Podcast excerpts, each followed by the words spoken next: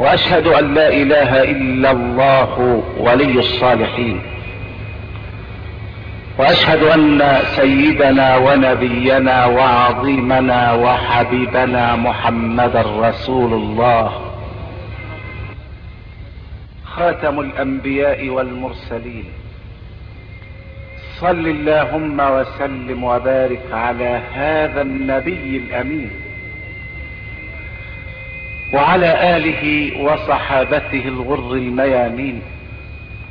وارحم اللهم مشايخنا ووالدينا وأمواتنا وأموات المسلمين أجمعين. اللهم إنا نستعينك ونستهديك ونستغفرك ونتوب إليك ونؤمن بك ونتوكل عليك. ونثني عليك الخير كله. نشكرك ولا نكفرك ونخلع ونترك من يفجرك. اللهم إياك نعبد ولك نصلي ونسجد وإليك نسعى ونحفد. نرجو رحمتك ونخشى عذابك. إن عذابك الجد بالكفار ملحق. وصلى الله على سيدنا محمد وعلى آله وصحبه وسلم.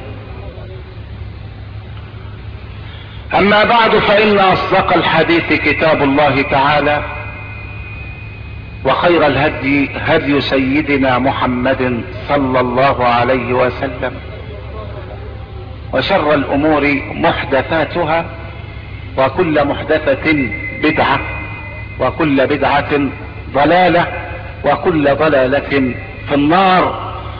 هنا مدرسة محمد صلى الله عليه وسلم الجالس معنا فيها يجب أن يقدم التحية العاطرة المباركة للحبيب محمد.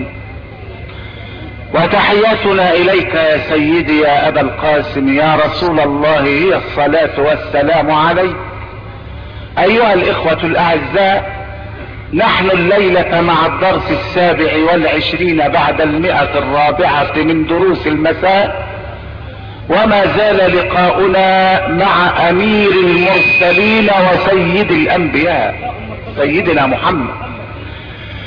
ولقد انتهى بنا المطاف إلى آخر مرحلة من مراحل الصيام المسنون والذي قال فيه سيدنا وحبيب قلوبنا رسول الله صلى الله عليه وسلم خير القيام قيام داود وخير الصيام صيام داود كان ينام نصف الليل ويقوم ثلثه وينام سدسه وكان يصوم يوما ويفطر يوما. صدق رسول الله. نشهد أنك بلغت الرسالة وأديت الأمانة ونصحت الأمة ومحوت الظلمة وكشفت الغمة وجاهدت في الله حق جهاده حتى أتاك اليقين. فجزاك الله عنا يا رسول الله خير ما جزى نبيا عن أمته ورسولا عن قومه. وحد الله قولوا لا إله إلا الله. الرسول في هذا الحديث بيحدثنا عن ضربين من ضروب العبادات القيام بالليل والصيام بالنهار. أول ما بعث الحبيب صلى الله عليه وسلم وأراد ربك أن يقويه على تحمل المشقات والشدائد قال له إيه؟ سمعنا الصلاة الأول عن النبي؟ سبحان الله.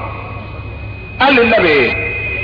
بعد ما نزل عليه اقرأ باسم ربك الذي خلق قال له يا أيها المزمل قم الليل إلا قليلا. نصفه أو انقص منه قليلا. أو زد عليه ورتل القرآن ترتيلا. ليه يا رب قال له إنا سنلقي عليك قولا ثقيلا. أعمل إيه يا رب؟ قال له إن ناشئة الليل هي أشد وطئا وأقوى مقيلا. طب وابدا حاجات إزاي يا رب؟ قال له إن لك في النهار صبحا طويلا. تؤمرني به يا رب؟ قال له اذكر اسم ربك وتبتل إليه تبتيلا. رب المشرق والمغرب لا إله إلا هو فاتخذه وكيلا. طب واللي بيؤذوني يا رب؟ قال له اصبر على ما يقولون وأهجرهم هجرا جميلا. والمفتريين يا رب أن والمكذبين أولي النعمة ومهلهم قليلا. هتعمل معاهم يا رب أن ان لدينا أنكالا وجحيما وطعاما ذا غصة وعذابا أليما. أنت يا رب اليوم ترجف الأرض والجبال وكانت الجبال كثيبا مهيلا. زي ما عملت مع من يا رب أن إنا أرسلنا إليكم رسولا شاهدا عليكم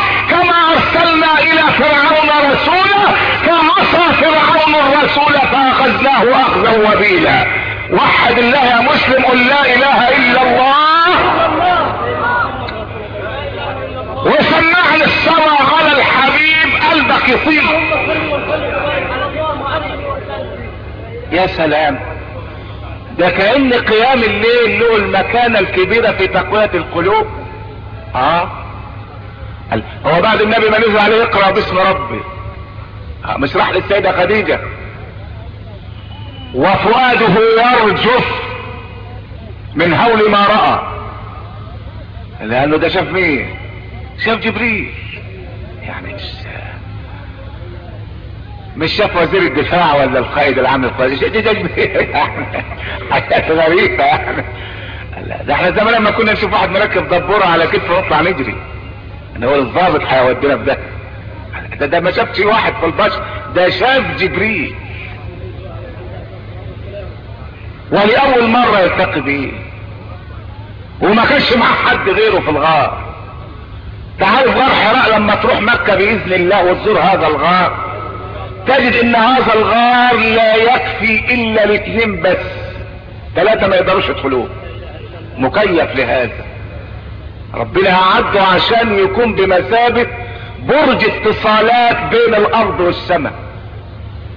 يكون هو مركز لاسلكي يصل القلوب قلب المصطفى بعالم الوحي أنا عايزك تسمعني الصلاة عليه. السيدة خديجة قالت للنبي إيه ده داخل من الغار. بيقول لا زملوني غطيني أنا بردان. ليه؟ لأن جبريل مش كلمه كده زي إحنا ما بنتكلم. ده جبريل كل ما يقول له اقرا النبي يقول ما أنا بقارئ. يجي جبريل واخده ضمه إلى صدره.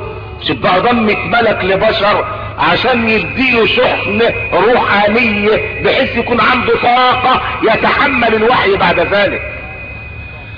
ولذلك النبي طلب من جبريل قال له يا جبريل أنا عايز أشوفك على صورتك الحقيقية. ما هو كان ساعات يجي للنبي على هيئة صحابي اسمه دحية ابن خليفة. والصحابي ده كان جميل وسيم فكان جبريل ينزل على صورة هذا الصحابي في صورته الجميلة الوسيمة عشان النبي يأنس بيه ما يبقاش شكله غريب عليه.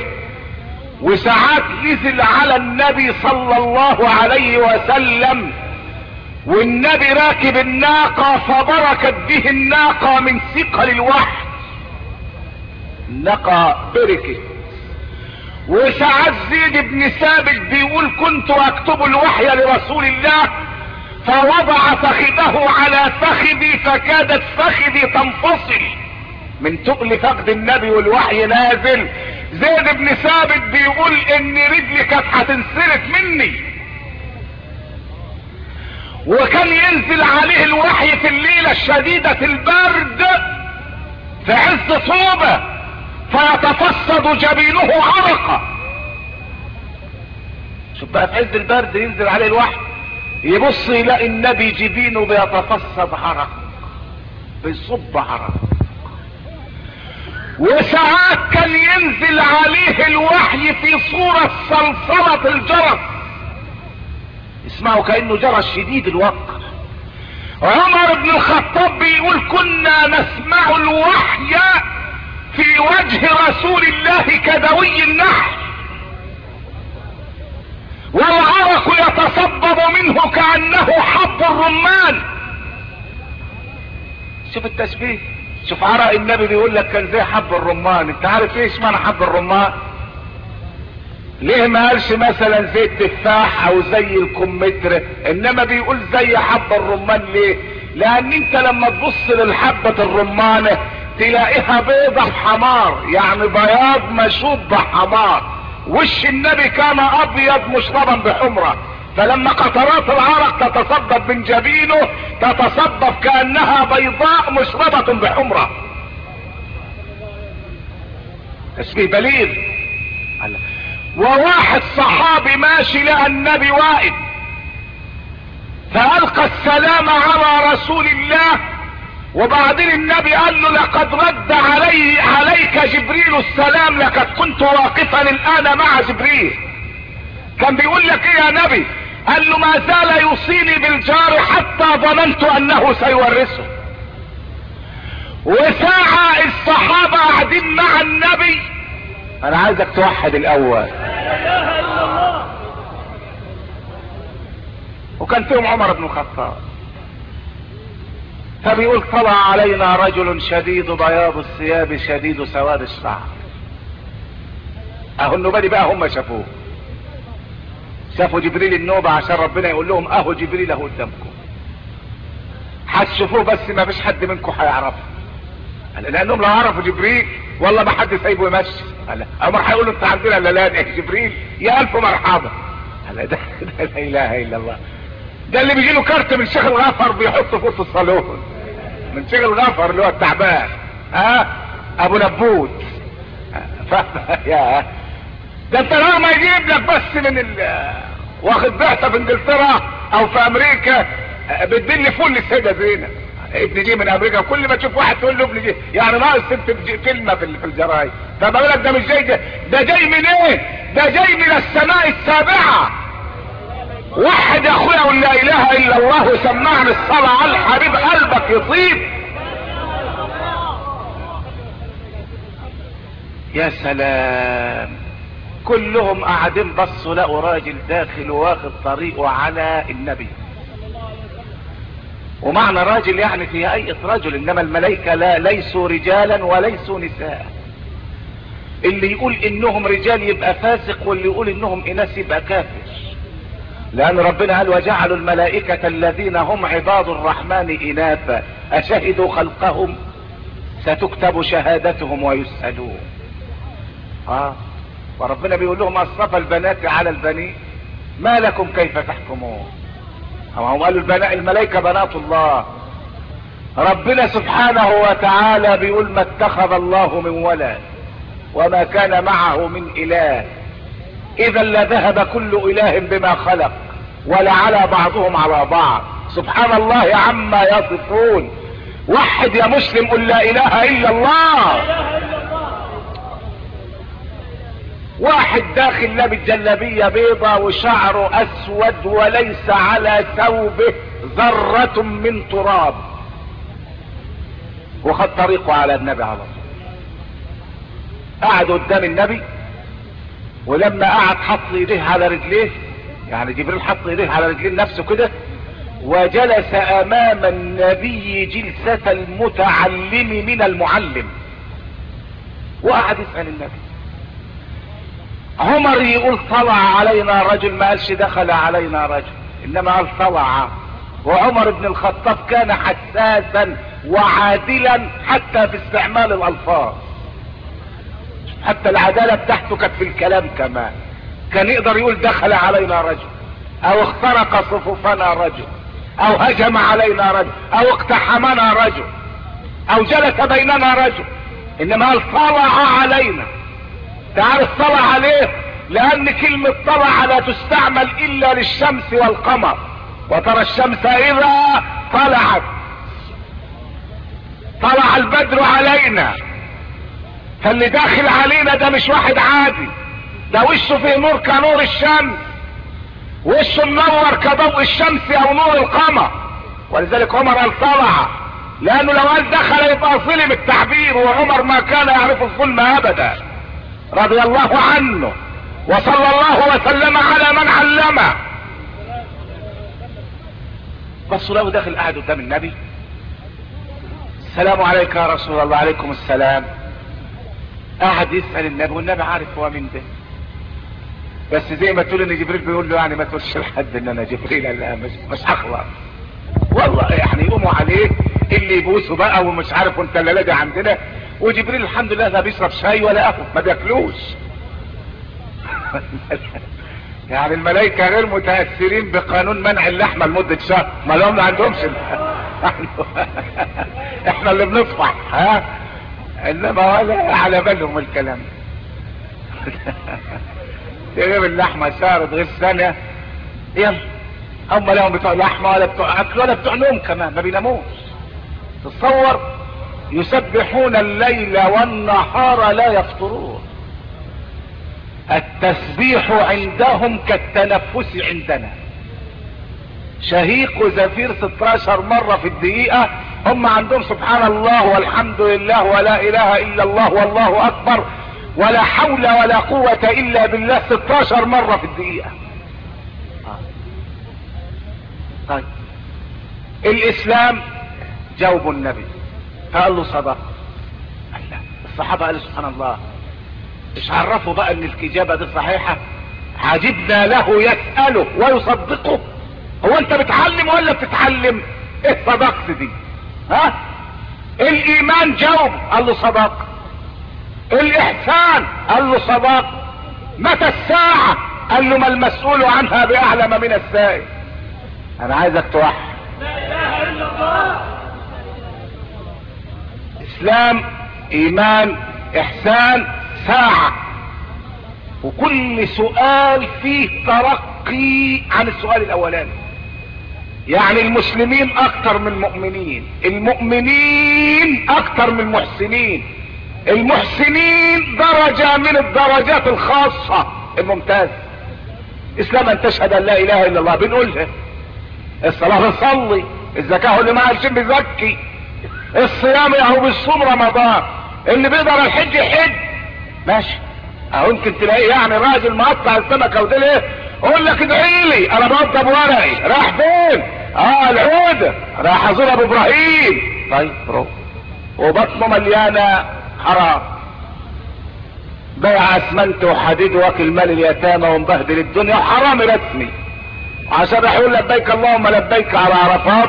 الملائكة تقول له لا لبيك ولا سعديك. زادك من حرام ونفقتك من حرام وحجك مأزور غير مأجور. وربنا يسلم وربنا يسلم أنا عايزك برضه تسمعنا الصلاة على النبي. اللهم صل وسلم وبارك على سيدنا محمد تبقى دايرة الإسلام أوسع من دايرة الإيمان. ليه؟ بقى لأن الإسلام عمل يتعلق بالجوارح والجوارح سهلة. الجوارح أعمالها سهلة. يعني من السهل إنك تقوم تتوضأ وتصلي مفيش حاجة. الصلاة نظافة والوضوء نظافة. ولذلك الاطباء الغربيين بيقولوا عجبنا لأمة الإسلام كيف يمرض أحدهم وهو يغسل وجهه في اليوم خمس عشرة مرة؟ شوف. إنما الإيمان عمل يتعلق بالقلب. التصديق بالقلب بأن الله واحد. يا ما ناس تشوف النبي تقول له نشهد إنك لرسول الله. إنما قالوها بلسنته. وساعة ما يسيبوا النبي يقول للناس وإذا لقوا الذين آمنوا قالوا آمنا وإذا خلوا إلى شياطينهم قالوا إنا معكم إنما نحن مستهزئون. دول أهل النفاق. تؤمن بالله يعني تصدق وملائكته وكتبه ورسله واليوم الآخر. وان تؤمن بالقدر خيره وشره. دي مسألة مش سهلة. المسألة دي عايزة رجال رجال صادقين. ما فيه واحد بيصلي محافظ على الصلوات في وقتها وساعة ما يقولوا له ابنك أصيب ايمانه ينحرف قوم صلي. يقول لك هصلي ليه هلا الواد مات. طب يا حبيبي المؤمن مصاب. يقول لك يعني ما فيش مؤمن في منشية الصدر إلا أنا. شيء غريب يا أخي. اصبر. يقول لك الصبر حرق الدكان. يا حبيبي صبر ربنا حلو يقول لك ما بعد الصبر إلا الاب ويقطع الصلاة ما يعرفش طريق المسجد. وناس لما بتدخل اختبار مع الله بيظنوا إن لغاية كده خلاص. دخل السجن بتهمة إنه من الإخوان المسلمين أو راجل من الدعاء إلى الله. والحبس في الزنزانة سنة ولا شهرين يطلع يقول لك تبت إلى الله ورجعت إلى الله. وعزمت عزما أكيدا على أنني لا أدخل المساجد. آه والله. هاي. وتبص تلاقي يقول لك أصل الله يا فلان ده أنت كنت راجل محافظ على الصلاة لما طلعت من السجن جرى لك إيه؟ يقول لك أصل إخواننا متبعيني. مين؟ يقول لك المخبر. ده المخبر ولا ربنا؟ لا إله إلا الله. الأمة كلها والله ربنا. يقول لك لا أصل أنا بشوفه بي ببقى داخل من البيت وأبص ورايا الاقيه ورايا ما هو اللي بيخاف من العفريت يطلع. هو يعني هيمشي وراك هعمل بك إيه؟ والله افرض مشى وراك. من كان الله معه فمن عليه. محدش ابدا ابدا. افرض إنه بيكتب تقريرات إنما ربنا سبحانه وتعالى فالله خير حافظا وهو أرحم الراحمين. يبقى هو أول واحد ما بيطلع من السجن بيراقبوه شوية إذا لقوه قاعد على القهوة يكتب تقرير كده بدأ حاله يتحسن. وما كانش الأول يعرف القهاوي. عرف القهاوي. أما يلاقيه يلعب طاولة يقول بدأ يتأقلم. أما يلاقيه ماسك زي الديرة يقول لك استقام وأصبح منا. أما يلاقيه ماشي مع بنت في الشارع يقول لك أصبح مواطنا صالحا يعتمد عليه. وهو كان قبل كده موديه السجن بتهمة ضبط متلبسا بصلاة الفجر في جامع الملك. ها؟ اي سمعني الصلاة الحبيب فالإيمان مش كلام الإيمان عمل وتحمل. الإحسان أدق من الإيمان لأن أن تعبد الله كأنك تراه. فإن لم تكن تراه فإنه يراك أي؟ أنا عايزك توحد يا مسلم. شوف كلام النبي كلام النبي زي الشهد. أن تعبد الله كأنك تراه فإن لم تكن تراه فإنه يراك ولذلك أشد أنواع المغريات النساء. زين للناس حب الشهوات من النساء. أول حاجة النساء. ولذلك جهاد النساء يعتبر من أرقى أنواع الجهاد. شوف النبي قال إيه سبعة يظلهم الله تحت ظله يوم لا ظل إلا ظله.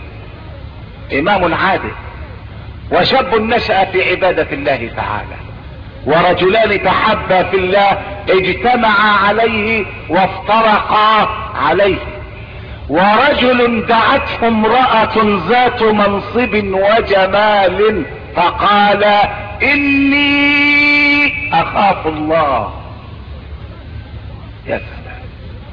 يا سلام. اقسى أنواع الاختبار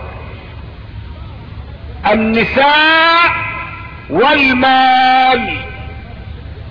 النساء والفلوس. اللي ينجح في ال- في العلمين ده هم ويقول إني أخاف الله فيهم اضمن له أنه سيظل في عرش الرحمن يوم لا ظل إلا ظله والله العظيم. أنا عايزك توحد يا مسلم تقول لا إله إلا الله. لا اله الا الله اللي يدخل الاختبارين ده هم. ويقول إني أخاف الله. اطمئن عليه. ولذلك سيدنا يوسف دخل اختبار النساء. وسيدنا محمد دخل اختبار المال. حصل إيه؟ يوسف راودته التي هو في بيتها عن نفسه. ودخلته أوضة داخل أوضة. وغلقت سبع أبواب. وتزينت وتعطرت. وأخذت تغدو وتروح أمامه. وهو يقول لا إله إلا الله. ويذكر الله. قالت له هيت لك قال قال لها معاذ الله. اختبار قاسي. اختبار قاسي جدا ومن أشد أنواع الاختبار قسوة. أي ومع ذلك قال لها معاذ الله. أعوذ بالله. ده عايزة مني إيه؟ عايزة مني إيه؟ قالت له ما أجمل عينيك يا يوسف؟ قال لها أول ما يسيل مني بعد الموت. قالت له ما أجمل شعرك يا يوسف؟ قال أول ما يتساقط مني بعد الموت. قالت له ما أجمل جسمك يا يوسف؟ قال أول ما يأكله الدود بعد الموت. قالت له هيت لك يعني أقبل. قال لها معاذ الله إنه ربي أحسن مثواي. إنه لا يفلح الظالمون. يا سلام. ولذلك الإنسان لما شدة يا اخوانا يذكر الله ويذكر أنه سيموت. تذكر المقابر نفسك ترتاح على طول. لقيت خيرك خير ربنا على أخوك المسلم كتير وانت حالك على قدك. اوعى تقعد بقى طول الليل تقول اشمعنى فلان؟ والخير اللي داخله ده منين يا رب خرب بيته. رب ورينا في يوم. لا لا لا. اذكر الموت. اذكر أنك ستموت. وإن فلان ده هيموت راخة والكل مروح كل مروح الملك فاروق مات. وشاه ايران مات. وجمال عبد الناصر مات. طيب روح اسأل عنهم دلوقتي. روح اسأل عنهم. شوفهم راحوا فين. يعني دي حقيقة واقعة لا يجادل فيها أحد. شاه ايران اللي كان عنده 24 مليار دولار. يعني 24 ألف مليون. 24 ألف مليون. يعني أتحدى واحد منكم لو كتب الرقم ده. طب اكتبه. شوف ال 24 يبقى قدامك كام صفر؟ وبرد عليها بعد بكرة. ما تعرفش كيف حاجة غريبة يعني حاجة غريبة. حاجة غريبة جدا. ها؟ ها؟ مش زي حالاتنا وحالاتكم يعني بقى هم القرشين ما لا مربوط على الدرجة التاسعة والناس درجات ومرشح هاخد العشرة غير العلاوات. يعني المهية من الصراف مع العلاوة. مش عارف هيكونوا ملك إيديك نضاف وإن شاء الله أكل أنا اشحات مفيش 24 مليار. ألف مليون. 24 ألف مليون. يعني إحنا عارفين إن المليون بيبقى واحد قدامه ست اصفار إنما ال 24 ألف مليون مش عارف بقى كم صفر بقى. مش عارف إبراهيم الحياة بسأل عنه. وجيت تكون دي مكة منك يا حد ما حد عارف الحياة والله. ومع راح فين راح في التراب. راح في التراب. يبقى تحسد غيرك ليه؟ ابدا. أما تلاقي نفسك كده بتلعب عليك وعايز تشوف غيرك حقدت عليه اذهب إلى المقابر ونادي على الاموات قول لهم كيف حالكم الآن؟ ده واحد شاف سيدنا مالك بن دمر قاعد بين المقابر. قال له انت قاعد هنا ليه؟ هو صحيح. قال هو اللي بيقعد بيقعد مع عند المقابر. اللي بيقعد بيشوف يشوف قهوة على نص عماد الدين بيروح يشوف كازينو. بيشوف شاليه. بيشوف كابينة على البحر. إنما انت قاعد مع مين هنا في المقابر يا مالك؟ قال له أجلس مع قوم إذا كنت بينهم لا يؤذونني وإذا فارقتهم لا يغتابونني. لا إله إلا الله. يا سلام. إذا كنت بينهم لا يؤذونني. وإذا فارقتهم لا يغتابونني. منتهى العظمه تقعد معاهم ترتاح. ما تسمعش كلمة تزعلك ابدا. إنما تأكل مع ابن آدم الحي ملاحة رشيد يخونك. إذا سابك يتكلم في حقك إذا قعد معاك طول ما هو قاعد يدي زنا ويدي كلام باطل.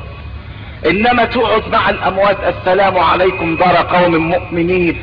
أنتم السابقون وإنا إن شاء الله بكم لاحقون. يرد عليك السلام ولا يؤذونك بكلمة واحدة. واحد يا مسلم. يبقى مسلم. المسلم هو الذي ينجح في اختبار النساء والمال. سيدنا يوسف نجح في اختبار النساء. سيدنا محمد راودته الجبال عن نفسه لتكون له ذهبا وفضة. فقال أجوع يوما فأذكرك وأشبع يوما فأشكرك. اللهم أحيني مسكينا وامتني مسكينا واحشرني في زمرة المساكين. وحد يا حبيبي قول لا إله إلا الله لا اله الا الله يجي واحد صحفي مغفل أو نص جاهل أو جاهل مركب يقول لك لا النبي يقول أحيني مسكينة. طب وأنت يا صاحب عرفك مسكينا يعني إيه؟ أنت من إمتى بتفهم في كلام النبي عشان تقول لا؟ ده المسكنة هنا معناها التواضع هو قال له حين مسكينة يعني أخبط على الأبواب. قال كده؟ ده قال حين مسكينة يعني متواضعة. وهو النبي قال كده طوبى لمن عاشر أهل العلم والحكمة وخالط أهل الذل والمسكنة. المتواضعين. المسكنة هي معناها التواضع مش معناها إن أنا أشحت على الابواب لا المسكنة معناها التواضع. والحديث صحيح رواه الإمام الترمذي. حيني مسكينا وامتني مسكينا واحشرني في زمرة المساكين. ومرضاش ياخد لا ذهب ولا فضة. وده اختبار قاسي. اختبار قاسي جدا. ربنا قال له تريد أن تكون نبيا عبدا أم نبيا مالكا؟ ما تصلوا عليها محمد. ملك ولا عبد قال له عبد ولو كان طلب الملك ما هو داود كان ملك وسليمان كان ملك والنبي أفضل منهم جميعا. كان يقدر يقول له أنا عايز أبقى نبي ملك. يبقى في خدم وحشم ومملكة عريضة وابني يورثني من بعدي. إنما النبي بص لاصحابه بلال وعمار وخباب وصهيب وسلمان الناس الغلابة الطيبين. قال له أنا أبقى ملك ودول يروحوا فيه ها؟ حد من الناس الغلابة يقدر يدخل على الملك؟ ابدا ده لابد الأول يأيد اسمه في سجل التشريفات ويقولوا هو برتبته والنشان واخده إيه؟ والوسام عبال ما يكتبوا اسمه. والله أنا اعرف واحد فقير كان له عم غني وعمه الغني مات وده فقير راح يعزي. ابن عمه خده على جنب قال له ما تدخلش الصوانة إلا ده فلان بيه وفلان بيه وفلان بيه شوف ما رضاش والله يدخلوا الصوانة. لأن الكراسي قسمين كراسي مذهبة للبهوات وكراسي خرزان للطبقة المتوسطة إنما الفقراء ما يدخلوش الأماكن دي. والله كسفوا وحرجوا أنه ما تدخلش إلا اللي قاعدين يعني كلهم من الطراز وكان بيقرأ الشيخ فلان والشيخ علان اللي بياخدوا 1500 جنيه في الليل. قال له ما تدخلش أنت الصواب. ورفض إنه يدخلوا الصواب. فتشوف النبي لما بيقول نبيا عبدا عشان يقعد مع الناس الغلابة دول. أنا عايزك توحد الله. لا إله إلا الله. ربنا أراد أنه يختبر واحد من أغنياء بني إسرائيل وكان عتل في الفلوس. زي شهران كده فراح ملك الموت. ربنا قال له ادخل عليه في هيئة الفقير. البس كده أي كلام وإيه استأذن شوف هيأذنوا لك ولا لا. وربنا عالم بكل شيء. فملك الموت لبس صورة واحد مسكين ودخل واحد فقير غلبان. جه على باب القصر. بص لقى الزبالية محتطين به من كل ناحية. راح فين؟ أنا عايز أدخل اقابل ال- الباشا الباشا بتاعكم. تقابله؟ كان جنتي يا راجل؟ إذا كنت عايز يرسين خد. لما تقابله فين؟ ده أنت عشان تقابله هتمر في سبع حلقات كأنك ماشي على الصراط المستقيم. طب لابد اقابله ما أنتش هتقابله طب قولوا له إن ملك الموت على الباب وعايز يقابلك. هم سمعوا كلمة ملك الموت بلغوا فرعا كلهم طلعوا يجروا على الباشا في واحد في الباب بيقول إن هو ملك الموت وعايز يقابلك قال لهم أنتوا متأكدين عايزني أنا ما يمكن عايز واحد منكم. والله العظيم ما هو هيقابل. أنا عايز عايز كده ما هو ده اللي بي... ده, ده اللي بيهد الجبابرة. والله ده اللي بيهد الجبابرة. وهذا الكلام رواه الإمام أحمد بن حنبل ورواه ابن القيم. طب خلاص اذنوا له اذنوا له وافرض ما اذنتلوش هتلاقيه فوق راسك على طول. هو الراجل ما بيتأخرش عن أي مهمة يعني الحمد لله. وهو المهم إنه هيشرفنا كلنا. والله الراجل ما بيتكبر على حد ابدا. يعني هيزور الجميع إن شاء الله. بس الناس بتخاف. الناس بتخاف من سيرة الموت ولذلك مسمينه إيه؟ يقول لك سيدنا عبد الرحمن. هو بس مش عبد الرحمن. انما الناس بتسميه عبد الرحمن بالذات ليه يقول لك يمكن لما نسميه عبد الرحمن ياخد باله مننا شوية والله والله لا إله إلا الله. والله ده إحنا غلابة أغلب من الغل. سمي عبد الرحمن. سمي عبد الرحمن أي اسم ايا ما تدعو فله الأسماء الحسنى. سميه زي ما أنت عايز تسميه بس المهم استعد للقائه لأن ده الملك الوحيد اللي مش هيسيب حد إلا لما يزوره. ويشرفه يقول لا إله إلا الله وسبحنا الصلاة على الحبيب قلبك يطيب. لا إله إلا الله. يكون عايز واحد منكم قالوا له والله يا أبا لما جاب سيرتك أنت. هو قال عايز يقابلك أنت. خلاص ادخل دخل ملك الموت. مين قال له أنا ملك الموت؟ زائرا جئت أم قابضا؟ قال له بل جئت قابضا. أنا حضرك أنت يعني أصحاب. أصحاب يعني هنزور بعض. قابض. فالماء الغني بص لقى نفسه على مشارف الموت قال لاولاده أحضروا ما عندي من المال. جابوا الخزنة. ففتح الخزنة وقال له أيها المال أنت الذي أنسيتني ربي.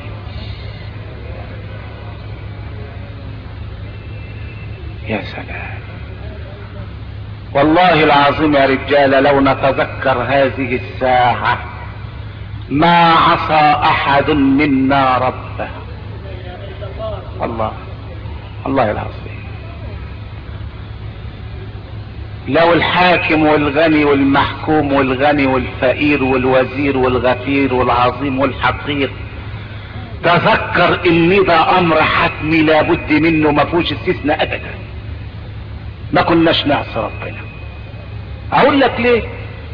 اللي عارف إن وراه امتحان بيذاكر. قبل ما يدخل الامتحان. انت عارف انك انت هتقابل ربنا مية المية. ما في شك في هذا. ما انتش هتقابل واحد رئيس لجنة عشان يمتحنك شافه ده انت هتقابل رب لا تخفى عليه خافية في الأرض ولا في السماء. والله. يعني اللي بيدخل امتحان الشفوي أهو بيقدر برضه يقول كلمة من هنا وكلمة من هنا. بيدوله عشرين من أربعين. ويعدي. يعني واحد بيحكي لي بيقول دخلت امتحن شفوي في الشهادة العالمية. الشيخ رئيس اللجنة قال له حافظ القرآن يا ابني. قال له حافظ يا سيدنا الشيخ. قال له قول أعوذ بالله من الشيطان الرجيم. بسم الله الرحمن الرحيم. والطور يا كتاب مسطور. بيسمع القرآن. بيقول أنا قلت والطور يا كتاب مسطور. بدل ما أقول في رق منشور قلت في رق منشور. بكسر الرق. في فرق بين الرق والرق. الرق اللي هو الجلد الرقيق إنما الرق اللي هو الطبلة قال له يا ابني في حاجة اسمها في رق أنت بتشتغل مطبل يا ابني. الواد خايف يسقط قال له بس الشيخ ده فيه قراءة. يخرب بيتك. أنت متأكد؟ قال له متأكد. الشيخ مش عارف قراءات. قال له طب اسمع أنا هنجحك بس هسأل. إذا ما كانتش قراءة هخرب بيتك. فرجحه وبعد شهر الشيخ قابله في الشارع قال له خد يا بلالي والله سالت ما في حاجة اسمها رك يا شيخ. أنا مش مسامحك في النجاح. إنما هو نجح وخلاص. إنما لما تقابل ربنا هتقول لي ربنا إيه؟ هتقول له في رك ولا في رق إذا كان هو يعلم الغيب فالغني قال للمال انت الذي انسيتني ربي وجعلتني أبي وآخرتي. ولكن نساك ما نساك شيء. أنت اللي نسيت المال مش هو اللي نساك وقبضت روحه ولا مفر من لقاء الله. أسأل الله أن يحسن ختامنا وأن يتولى أمرنا. وإلى لقاء آخر إن شاء الله تبارك وتعالى. وإلى آذان العشاء بإذن الله جل جلاله. لا إله إلا الله. قولوا اللهم صل على محمد وعلى آل محمد كما صليت على إبراهيم وعلى آل إبراهيم. وبارك على محمد وعلى آل محمد كما باركت على إبراهيم. وعلى آل إبراهيم. في العالمين إنك حميد مجيد.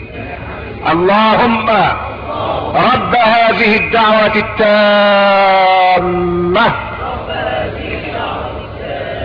والصلاة القائمة. آت محمدا الوسيلة والفضيلة. وابعثه مقاما محمودا. الذي وعدته تبنا إلى الله. تبنا إلى الله. تبنا إلى الله. ورجعنا إلى الله. وندمنا على ما فعلنا.